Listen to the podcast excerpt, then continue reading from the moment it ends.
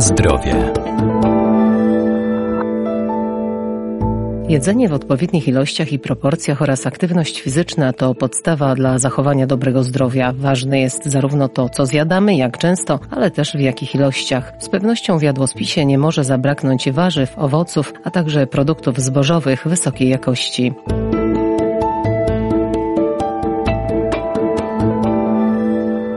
Najlepiej żywienie rozłożyć na kilka porcji w ciągu doby i spożywać je regularnie, a zbilansowana dieta powinna być oparta o naturalne surowce. Produkty zbożowe to m.in. kasze, makarony czy pieczywo, których wartość zależy także od jakości użytej do wypieku mąki. Typy mąki określa się poprzez oznaczenie zawartości składników mineralnych. Produkty zbożowe warto jeść, warto promować spożycie produktów zbożowych. Doktor habilitowana Aldona Sobota, Uniwersytet Przyrodniczy w Lublinie. W piramidzie obecnie obowiązującej piramidzie zdrowego żywienia i aktywności fizycznej. Zboża co prawda zostały zdegradowane, one są troszeczkę e, wyżej niż warzywa i owoce, ale myślę, że zboża są wartym czy wartościowym elementem diety współczesnego człowieka.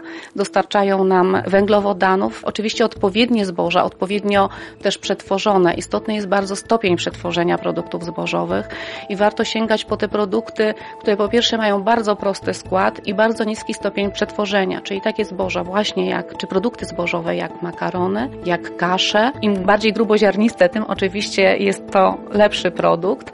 Produkty mm, zawierające więcej błonnika pokarmowego, czyli te tak zwane produkty uzyskane z pełnego ziarna. One będą charakteryzowały się nie tylko wyższą zawartością błonnika pokarmowego, ale też wyższą zawartością związków mineralnych, czy wyższą zawartością związków biologicznie aktywnych, które głównie są skoncentrowane w ziarniaku w okrywie owocowo-nasiennej, czyli tej zewnętrznej części ziarniaka, która często czy najczęściej jest usuwana w trakcie przemiału ziarna. Także przemiał polega na tym, jak produkujemy mąkę tą wysoko oczyszczoną, tak zwaną białą, że usuwamy okrywę owocowo-nasienną, która jest tak naprawdę skarbnicą tych związków najcenniejszych w ziarniaku.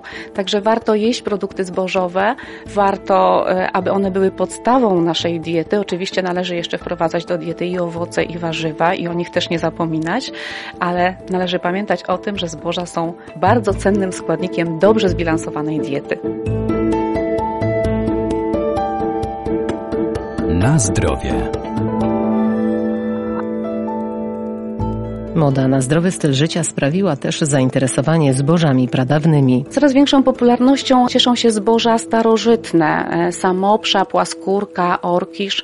Są to e, zboża, które po pierwsze zawierają więcej tych związków biologicznie aktywnych. Mówi się też o tym, że zawierają troszeczkę mniej białka, też mniej tych białek tak zwanych glutenowych. Współcześni konsumenci często boją się glutenu, uważają, że jest to białko, które może niekorzystnie wpływać na zdrowie. Oczywiście w niektórych przypadkach uzasadnionych ten gluten należy wykluczyć z e, diety i produkty zbożowe zawierające gluten też, ale należy pamiętać o tym, że tylko w przypadkach uzasadnionych tak naprawdę wykluczanie z diety produktów zawierających gluten, czyli wszystkich produktów pszennych, żytnich, jęczmiennych, owsianych, spowoduje to, że za kilka lat okaże się, że jeszcze większy odsetek społeczeństwa cierpi na nietolerancję glutenu Także problem będzie się nasilał i myślę, że o tym warto pamiętać. Natomiast mówię, często też y, konsumenci, współcześni konsumenci poszukują czy wracają do tych starożytnych zbóż typu płaskórka, samoprza czy orkisz. To takie zboża, które są określane też mianem pradawnych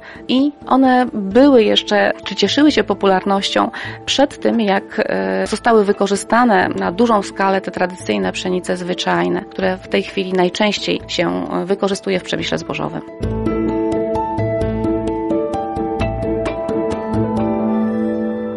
Warto pamiętać, że zdrowy tryb życia to nie tylko nawyki żywieniowe, ale także codzienny ruch i aktywność fizyczna.